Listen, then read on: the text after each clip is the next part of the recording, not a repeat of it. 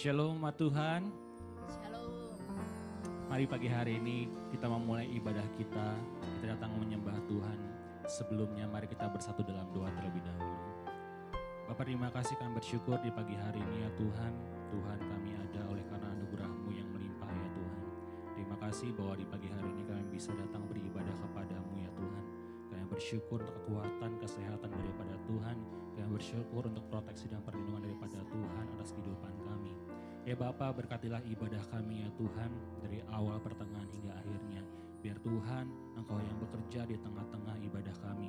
Kami percaya bahwa Tuhan Engkau bekerja Tuhan tidak dibatasi oleh ruang dan waktu ya Tuhan. Kami percaya walaupun setiap kami berada dalam ruangan yang berbeda, tetapi kuasa Allah kami percaya akan dinyatakan yang sakit disembuhkan, yang beban berat Tuhan dapat mengalami pemulihan daripada-Mu saja ya Tuhan.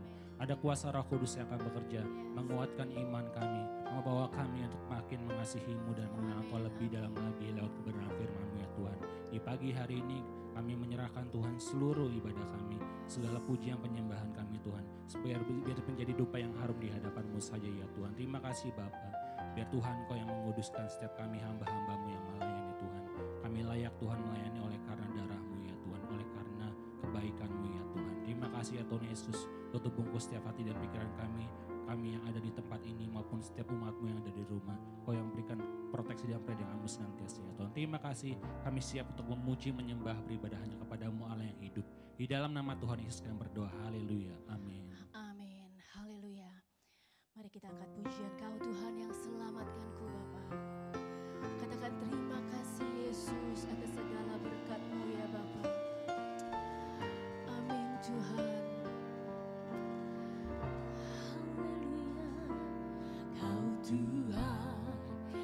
yang selamatkanku.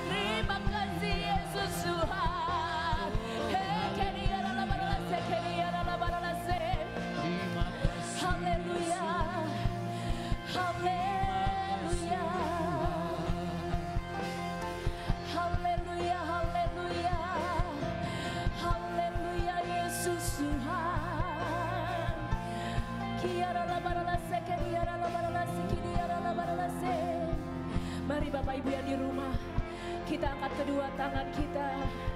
Kita katakan lebih dari kita katakan bahwa Engkau lebih dari segalanya Tuhan. Kaulah segala dalam hidup kami Tuhan. Kita terus sembah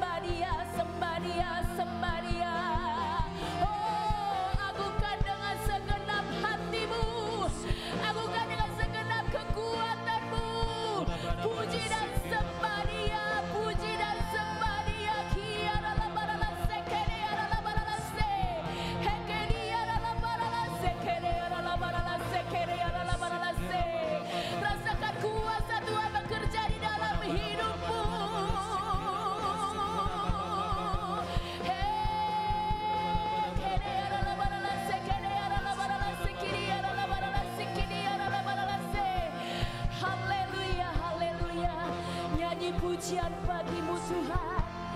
Nyanyi pujian bagimu. Tuhan, angkat kedua tanganmu. Kita sembah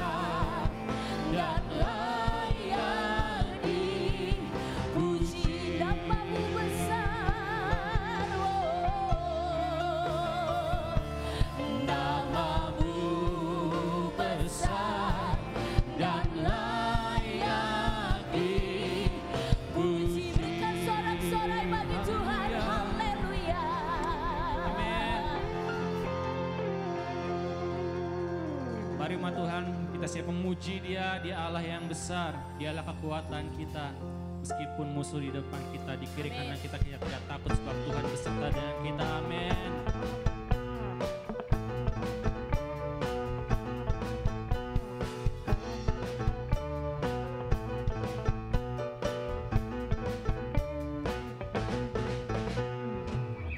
Meskipun musuh di depanku Rintangan menghadang langkahku Ku tahu sungguh Engkau besertaku Beribu rebah Beribu rebah di kiriku. Berlaksa di sisi kananku Ku tahu janjimu Engkau bersamaku. Takkan pernah goyah Takkan goyah keyakinanku pada dirimu Yesus Tuhanku. Tiada yang seperti dirimu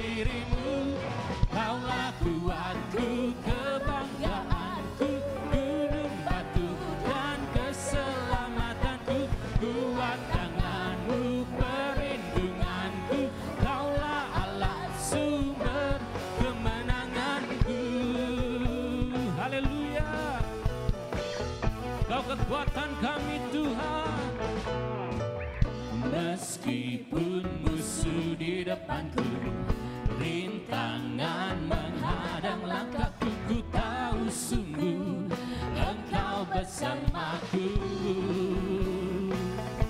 Beribu rebah di kiri kami Beribu rebah di kiriku. Berlaksa di sisi kananku Ku tahu janjimu Engkau bersamaku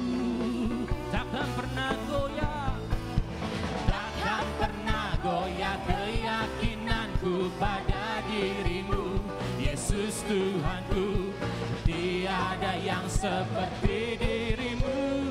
Kaulah kuatku kebanggaanku Gunung batu dan keselamatanku.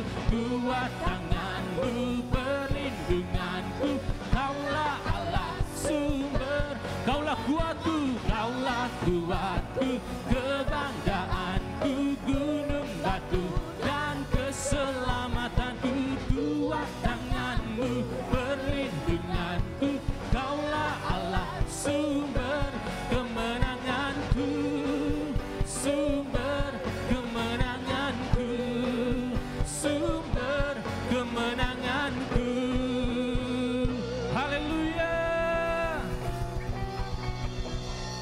kami ragukan kasih setiamu Tuhan Amin. Iman kami kepadamu ya Tuhan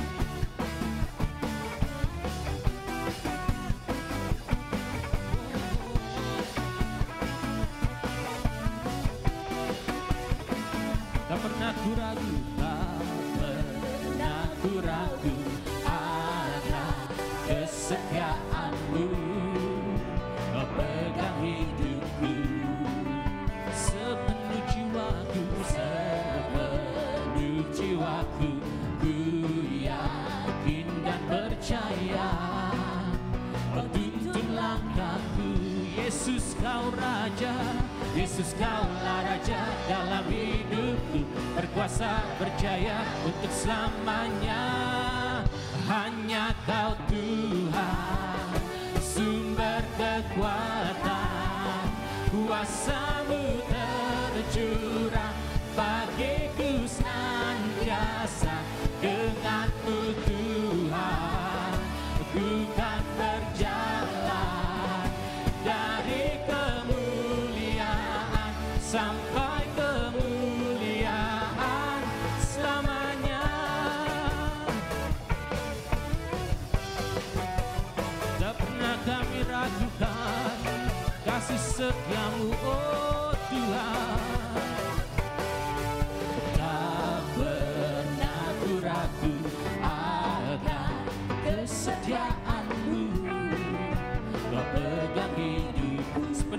jiwa kami kami percaya Tuhan. Sepenuh jiwaku ku yakin dan percaya. Kau tuntun langkahku Yesus engkau Raja. Yesus kaulah Raja dalam hidupku. Berkuasa berjaya selamanya. Hanya kau Tuhan Sumber kekuasamu tercurah Kuasamu tercurah. Bagiku senantiasa Denganmu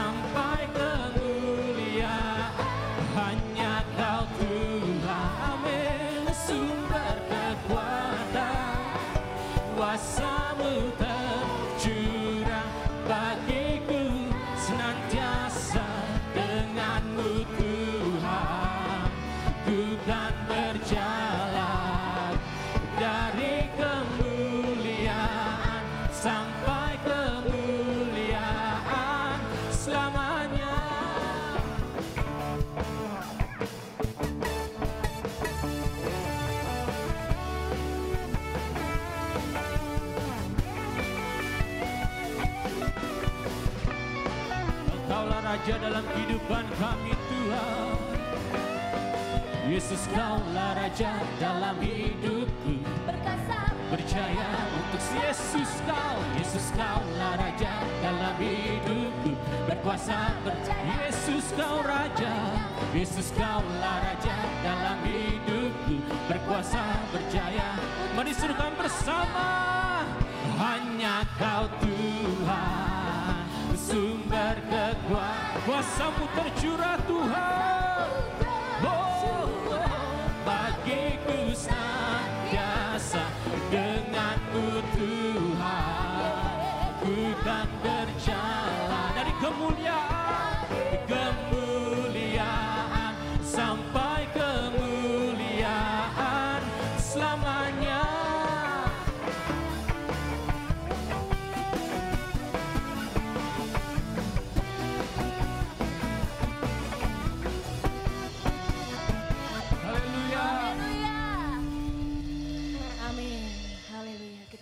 diberkati oleh pujian. Amin. Mari kita siapkan hati kita untuk mendapatkan terbaik. Yaitu mendengarkan firman Tuhan. Semua karena anugerahmu Tuhan.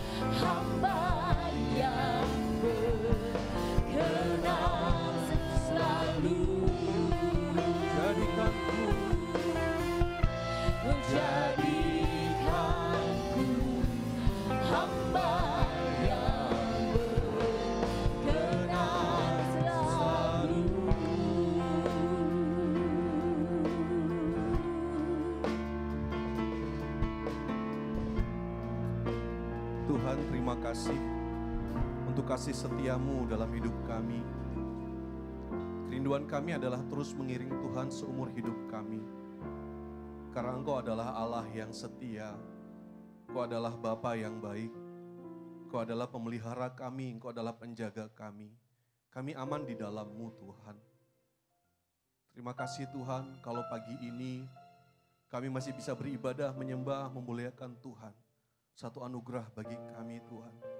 Meskipun mungkin kami tidak berkumpul dalam satu tempat, namun kami percaya bahwa kami gereja, kami menyembah Tuhan, di mana kami berada di rumah kami, kami bersama-sama bersekutu menyembah Allah kami.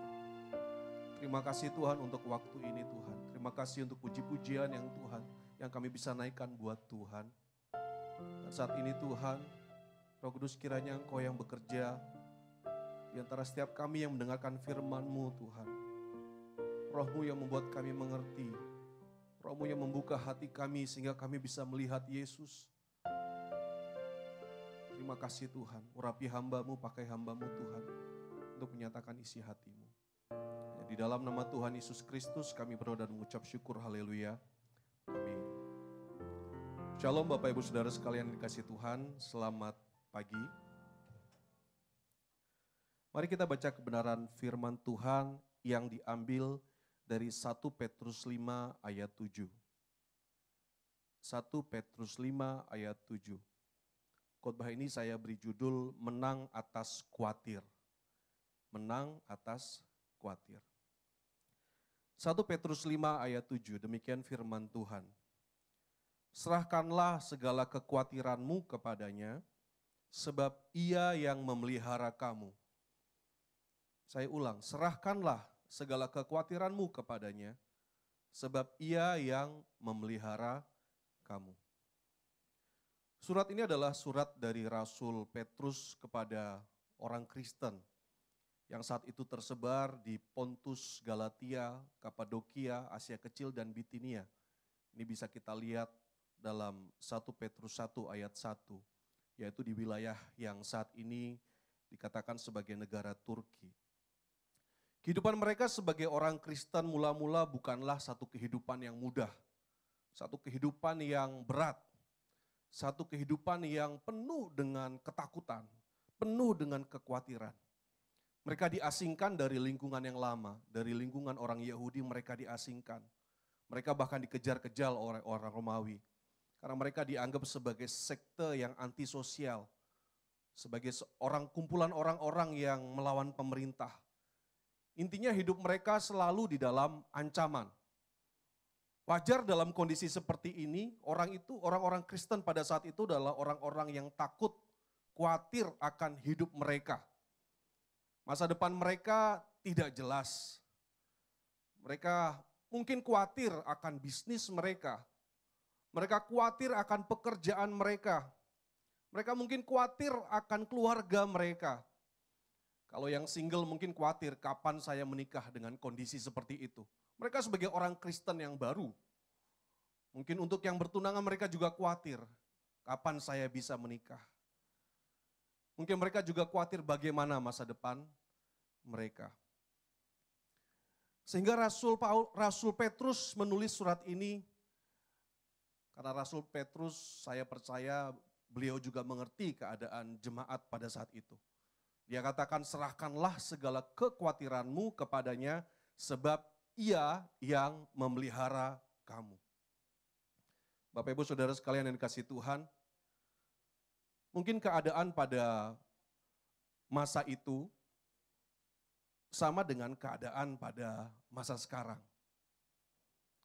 Saat ini dalam krisis yang disebabkan karena virus COVID, banyak orang-orang yang khawatir.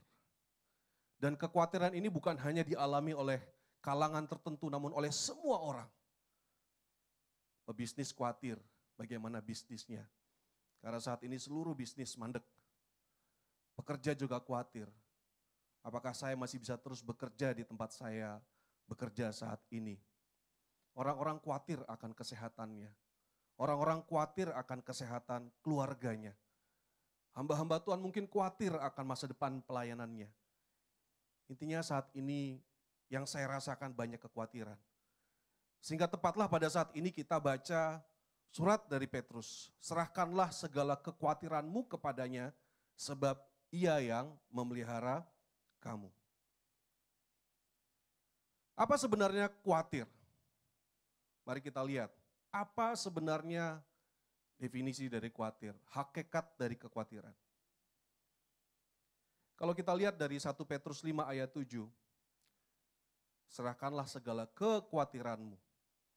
Kekhawatiran berasal dari akar kata merizo, yang artinya terbagi-bagi. Ya. Sehingga kekhawatiran adalah akibat yang timbul karena pikiran yang terbagi-bagi. Nanti kalau begini bagaimana? Nanti kalau keadaannya seperti ini bagaimana? Nanti kalau itu terjadi bagaimana? Pikiran seseorang terbagi-bagi. Sehingga hal itu membuat dia merasa takut dan khawatir.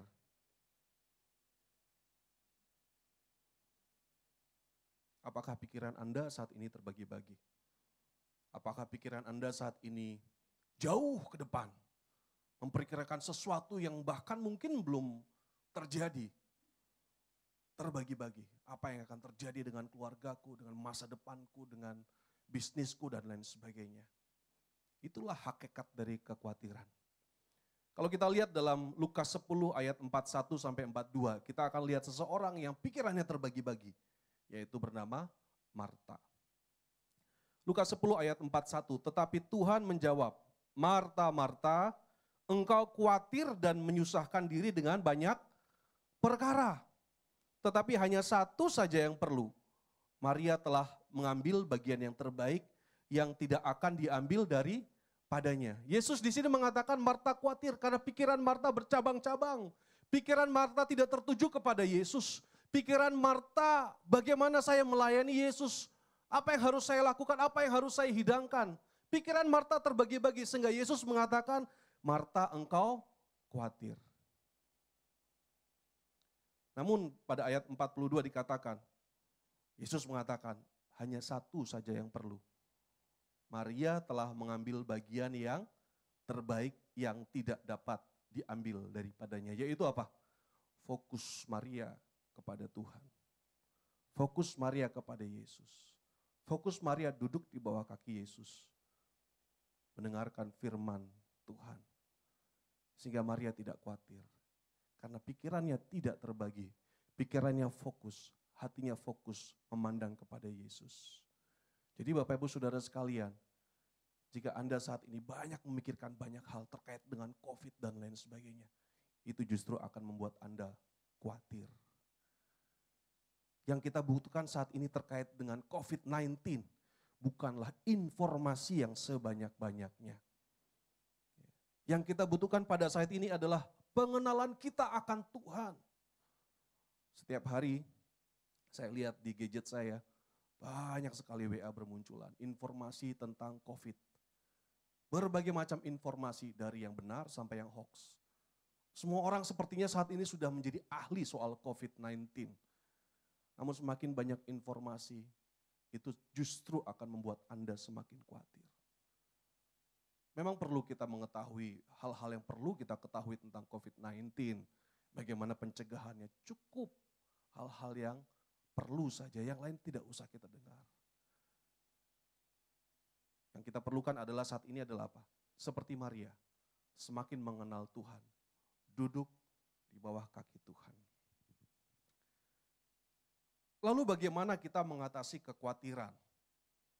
Bagaimana kita mengatasi kekhawatiran? Kita lihat 1 Petrus 5 ayat 7.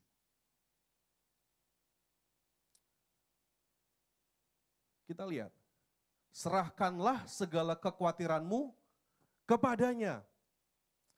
Jadi buat Rasul Petrus, khawatir adalah hal yang wajar. Rasul Petrus mengatakan kalau engkau khawatir, jemaat mula-mula itu wajar. Walaupun engkau orang Kristen, namun masalah juga ada dalam hidupmu. Itu wajar katanya.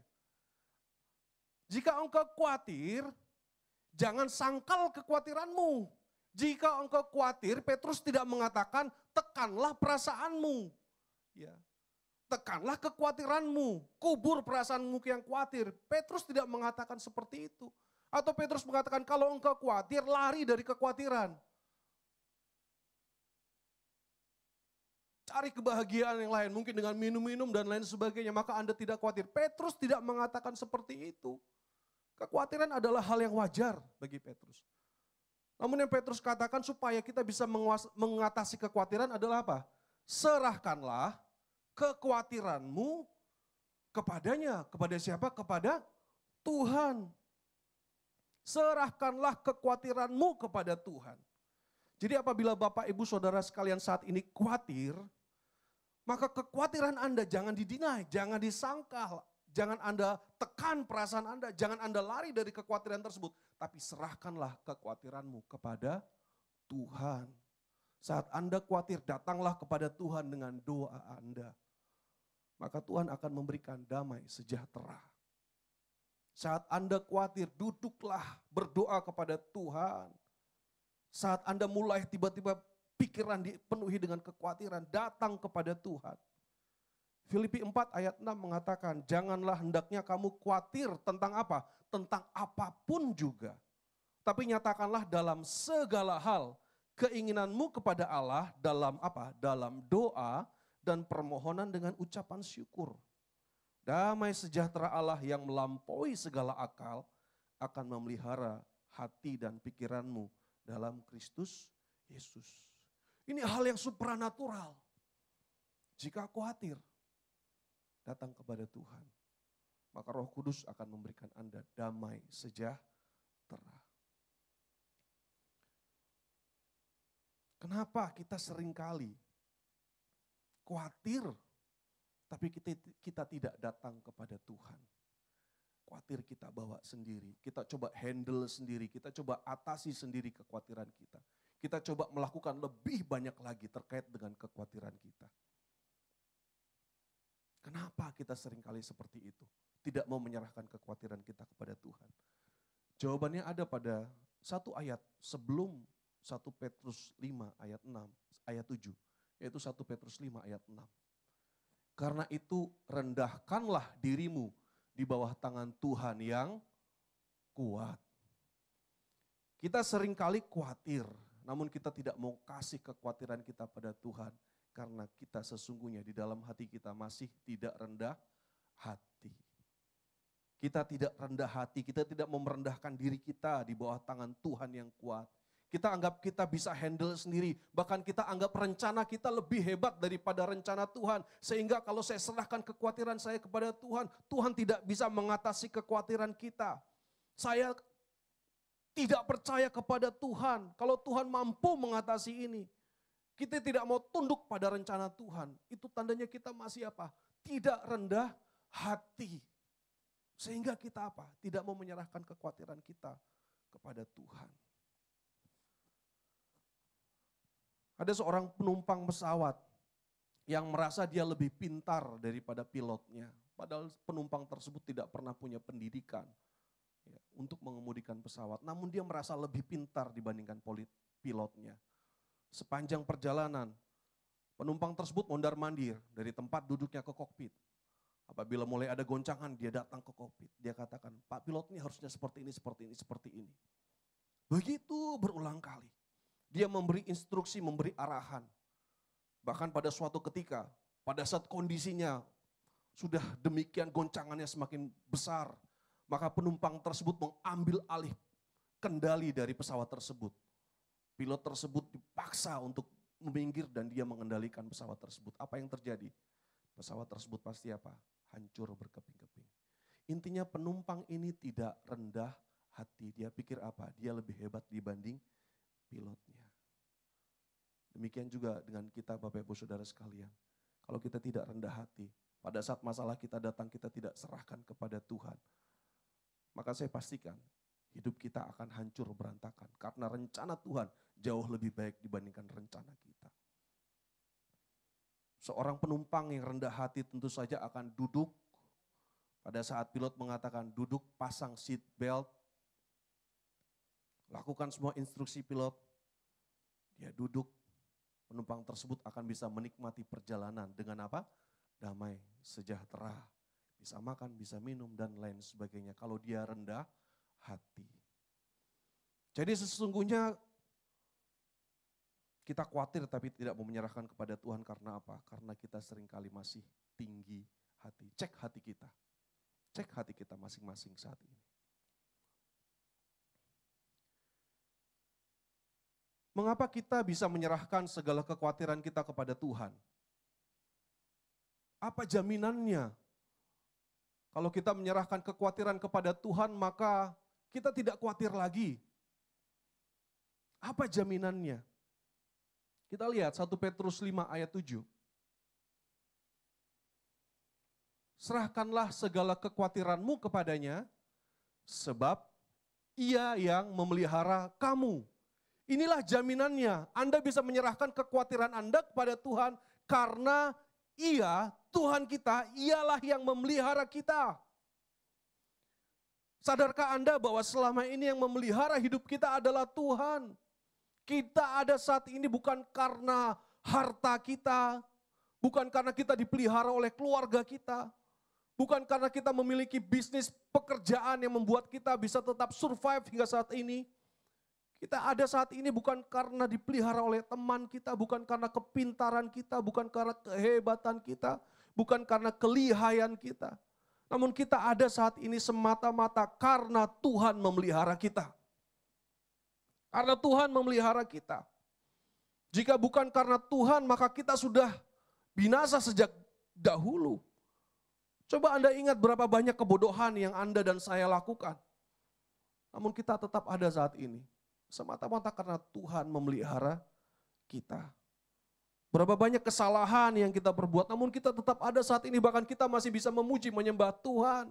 Kita masih ada di rumah Tuhan, melayani Tuhan. Semata-mata karena Tuhan memelihara kita. Tapi ibu saudara sekalian dikasih Tuhan, itu bukan karena harta kita. Bukan karena pekerjaan kita yang memelihara kita sehingga kita tetap ada saat ini. Bukan. Meskipun mungkin setiap bulan kita mendapatkan penghasilan dari pekerjaan kita. Namun semata-mata di balik itu semua Tuhan yang memelihara kita melalui pekerjaan. Melalui keluarga dan lain sebagainya. Tuhan yang bekerja. Tuhan yang bekerja. Saat ini apabila Anda punya masalah dalam hal pekerjaan Pekerjaan Anda tidak jelas, bisnis Anda tidak jelas, pendapatan Anda tidak jelas. Saya tahu bahwa masa-masa seperti ini hampir seluruh keluarga terimbas soal ekonomi. Namun saya sebagai hamba Tuhan saya ingatkan, serahkan kekhawatiran kepada Tuhan. Karena apa? Ia yang memelihara kamu. Ia yang memelihara kamu. Sebab ia yang memelihara kamu. Tuhan yang memelihara kita. Dalam bahasa Inggris dikatakan, because he cares for you. Karena dia peduli kepada kepadamu. Anda bisa menyerahkan kekhawatiran Anda kepada Tuhan karena Tuhan peduli. Anda tidak sendiri. Tuhan tahu apa yang terbaik bagi Anda. Anda tidak sendiri. Tuhan peduli. Walaupun kelihatannya tidak ada yang memperdulikan Anda saat ini, Anda susah-susah sendiri, pusing-pusing sendiri. Namun saya mau katakan bahwasanya Tuhan peduli terhadap Anda. He cares for you. Ia mempedulikan Anda. Kalau kita lihat dalam Mazmur 139 ayat 1 sampai 13. Tuhan engkau menyelidiki dan mengenal aku Bapak Ibu, walaupun kita mungkin tidak mengenal Tuhan, namun Tuhan mengenal saudara dan saya. Engkau mengetahui kalau aku duduk atau berdiri, apa pun yang kita lakukan, Tuhan tahu. Engkau mengerti pikiranku dari jauh. Engkau memeriksa aku kalau aku berjalan dan berbaring serta jalanku kau maklumi. Sebab sebelum lidahku mengeluarkan perkataan sesungguhnya semuanya telah kau ketahui ya Tuhan. Dari belakang dan dari depan engkau mengurung aku dan engkau menaruh tanganmu ke atasku. Terlalu ajaib bagiku pengetahuan itu, terlalu tinggi, tidak sanggup aku mencapainya. Ke mana aku dapat pergi menjauhi rohmu? Ke mana aku dapat lari dari hadapanmu? Jika aku mendaki ke langit, engkau di sana. Jika aku menaruh tempat tidurku di dunia orang mati, di situ, pun engkau. Jika aku terbang dengan sayap fajar dan membuat kediaman di ujung laut, juga di sana tanganmu akan menuntun aku dan tangan kananmu memegang aku. Jika aku berkata biarlah kegelapan saja melingkupi aku dan terang sekelilingku menjadi malam, maka kegelapan pun tidak menggelapkan bagimu dan malam menjadi terang seperti siang. Kegelapan sama seperti terang. Sebab engkaulah yang membentuk buah pinggangku, menenun aku dalam kandungan ibuku. Cares for you and me. Dia peduli terhadap Anda.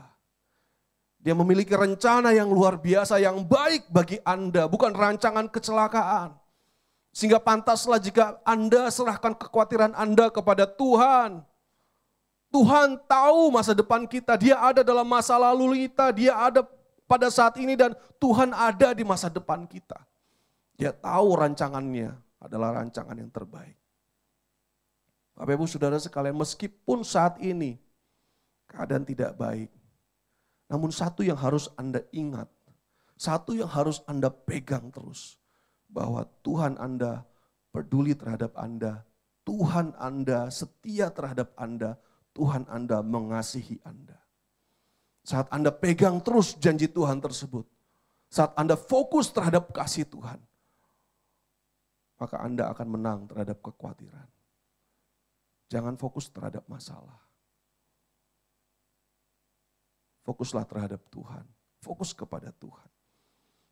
Kenapa dia begitu peduli terhadap kita? Kenapa dia begitu memperhatikan kita? Jawabnya adalah karena ia sangat mengasihi kita. Ia sangat mengasihi kita. Roma 5 ayat 8 mengatakan, akan tetapi Allah menunjukkan kasihnya kepada kita oleh karena Kristus telah mati untuk kita ketika kita masih berdosa. Dia memperdulikan kita, dia tahu apa yang kita pikirkan, dia tahu kesedihan kita, dia tahu kesusahan hati kita. Dia ada di mana pun kita berada. Karena dia mengasihi kita. Jika ada orang yang mempedulikan Bapak Ibu, itu karena mereka mengasihi Bapak Ibu Saudara sekalian. Roma 5 ayat 8 mengatakan Tuhan sudah menunjukkan kasihnya karena Kristus telah mati untuk kita. Bahkan pada saat kita masih berdosa. Pada saat mas, saya masih hidup di dalam dosa, Tuhan sudah mati bagi saya 2000 tahun yang lalu. Yesus Kristus mati di atas kayu salib untuk menebus setiap dosa saya dan Bapak Ibu Saudara sekalian. Matian Yesus Kristus di atas kayu salib penebusan dosa adalah bukti dari betapa ia mengasihi kita.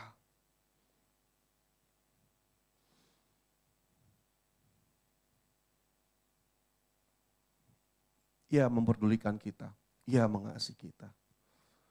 Tadi pagi saya renung-renungkan, dalam sepanjang kehidupan saya, apa pun yang terjadi dalam kehidupan saya, baik itu hal yang baik atau buruk, Apa pun yang terjadi dalam kehidupan saya, masa kecil saya, pekerjaan saya, keluarga saya, semua yang saya alami pada akhirnya Tuhan reka-reka untuk membawa saya kepada Yesus. Untuk membawa saya kepada Yesus, datang kepada Yesus. Sebagaimana masalah yang dialami Yakub Tuhan pakai untuk membawa Yakub bertobat. Sehingga Tuhan katakan namamu bukan lagi Yakub namun Israel. Bapak Ibu Saudara sekalian dikasih Tuhan, bahkan dalam masa krisis ini yang penuh dengan kekhawatiran, ada berkat tersedia apabila mata Anda, hati Anda fokus kepada Tuhan. Anda akan diubahkan Tuhan menjadi pribadi yang baru. Anda akan diubahkan Tuhan. Anda akan diberkati Tuhan.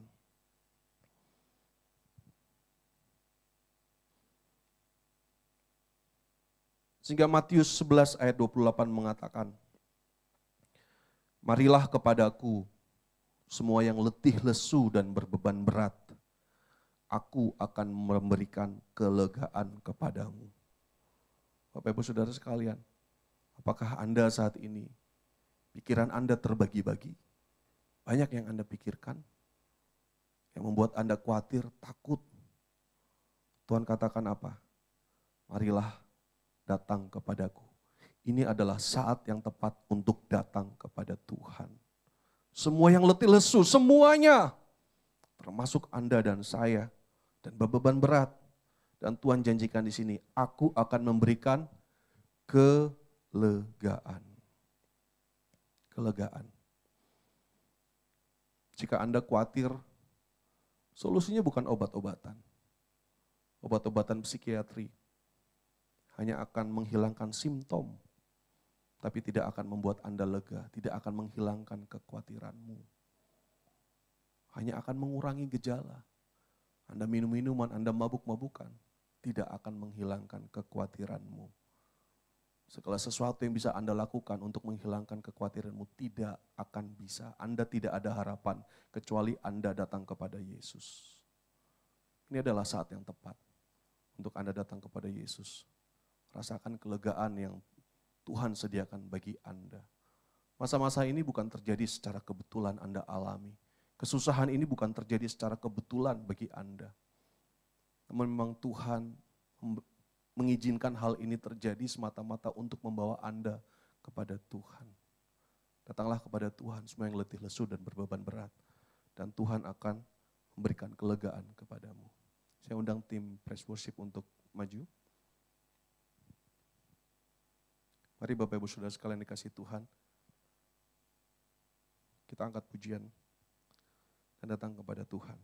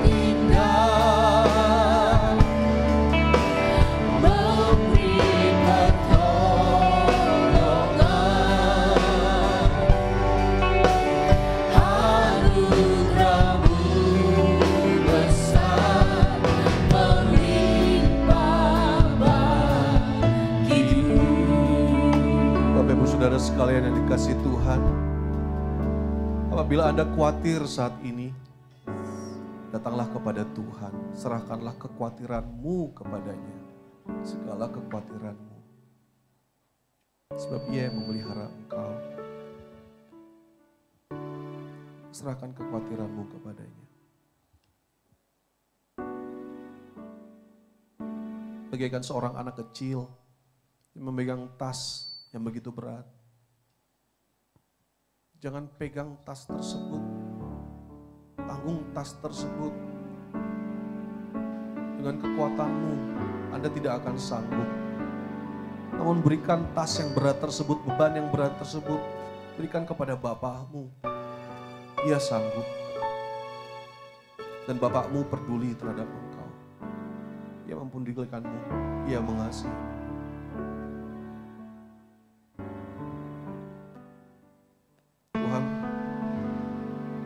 Kiranya Engkau yang memberi kekuatan buat setiap anak-anakmu Tuhan yang mungkin saat ini sedang mengikuti ibadah Tuhan. Apa pun kekuatan yang mereka ras, kekhawatiran yang mereka rasakan Tuhan. Hamba berdoa saat ini Tuhan di dalam nama Tuhan Yesus Kristus dengan kuat kuasa Roh Kudus. Tuhan memberikan kepada mereka damai sejahtera Tuhan. Apabila ada anak-anakmu Tuhan yang saat ini sakit Tuhan. Kiranya Tuhan yang memberikan kesembuhan dengan bilur darah Tuhan Yesus di dalam nama Tuhan Yesus Kristus. Apabila ada keluarga yang sakit, Tuhan yang memberikan kesembuhan Tuhan di dalam nama Tuhan Yesus Kristus. Bapak Ibu Saudara sekalian dikasih Tuhan. Mungkin Anda apabila ada ada di antara Anda yang saat ini masih belum menerima Tuhan, Yesus sebagai Tuhan dan Juru Selamat Anda. Maka saya mengajak Anda saat ini, datanglah kepada Tuhan. Terimalah Yesus sebagai Tuhan dan Juru Selamat Anda. Ketahuilah bahwa Tuhan mengasihi Anda. Saat Anda menerima Tuhan Yesus sebagai Tuhan dan Juru Selamatmu, maka Tuhan memberikan keselamatan bagimu. Hidupmu tidak sendiri lagi, tidak ditentukan oleh kekuatanmu. Namun Anda akan bisa menjalani setiap kehidupan Anda bersama dengan Tuhan.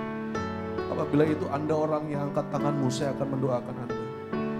Dan ikut, ikutilah doa saya.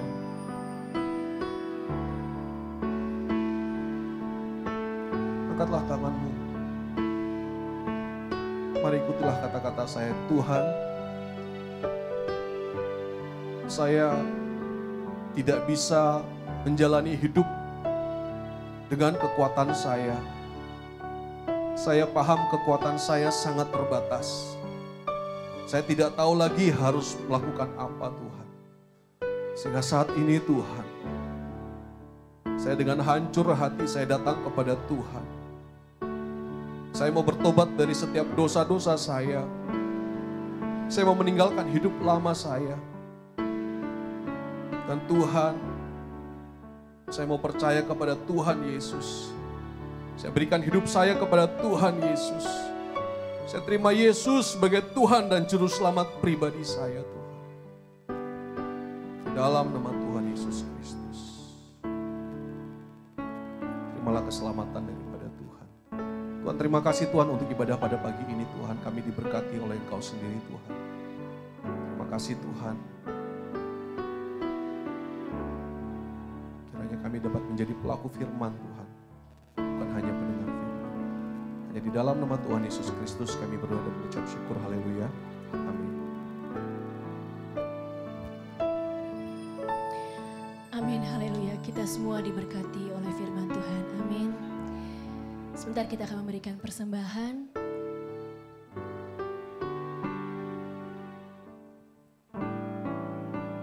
Sambil memberikan persembahan, kita akan melihat pengumuman untuk sepanjang minggu ini.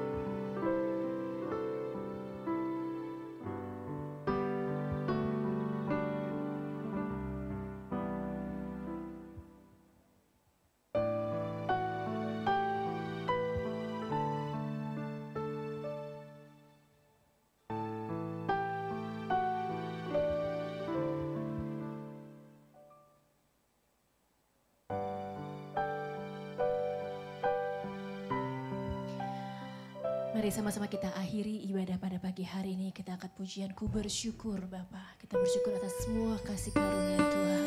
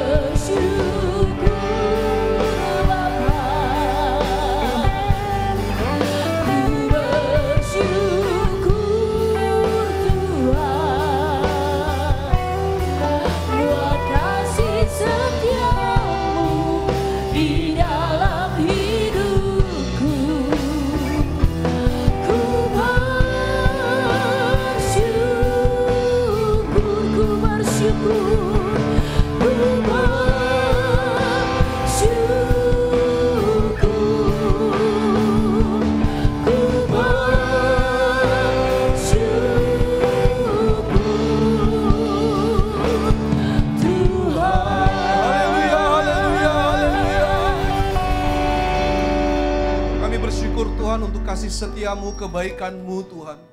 Kami mau fokus pada kesetiaan Tuhan, kebaikan Tuhan, pemeliharaan Tuhan. Sehingga kami tidak akan khawatir lagi Tuhan. Masalah boleh terjadi dalam kehidupan kami silih berganti. Namun kami tidak khawatir karena kami bersama dengan Engkau Tuhan yang memelihara kami.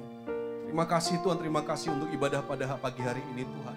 Berkati setiap jemaatmu Tuhan di mana pun mereka berada Tuhan. Kiranya Tuhan terus memberikan kekuatan bagi jemaatmu Tuhan. Kami berdoa buat Bapak dan Ibu Gembala Tuhan, kiranya berkati mereka Tuhan. Dengan kesehatan kekuatan daripada Tuhan, hikmat daripada Tuhan. Dan juga kami berdoa Tuhan buat yang berulang tahun, berkati mereka Tuhan. Supaya terus Tuhan semakin bertumbuh di dalam iman, harap dan kasih akan Tuhan. Kami berdoa buat jemaatmu Tuhan, mungkin ada yang sakit Tuhan, kiranya Tuhan yang sembuhkan Tuhan di dalam nama Tuhan Yesus Kristus. Kami juga berdoa Tuhan buat krisis yang saat ini terjadi Tuhan, COVID-19 Tuhan. Kiranya Tuhan berikan pemulihan bagi bangsa kami Tuhan.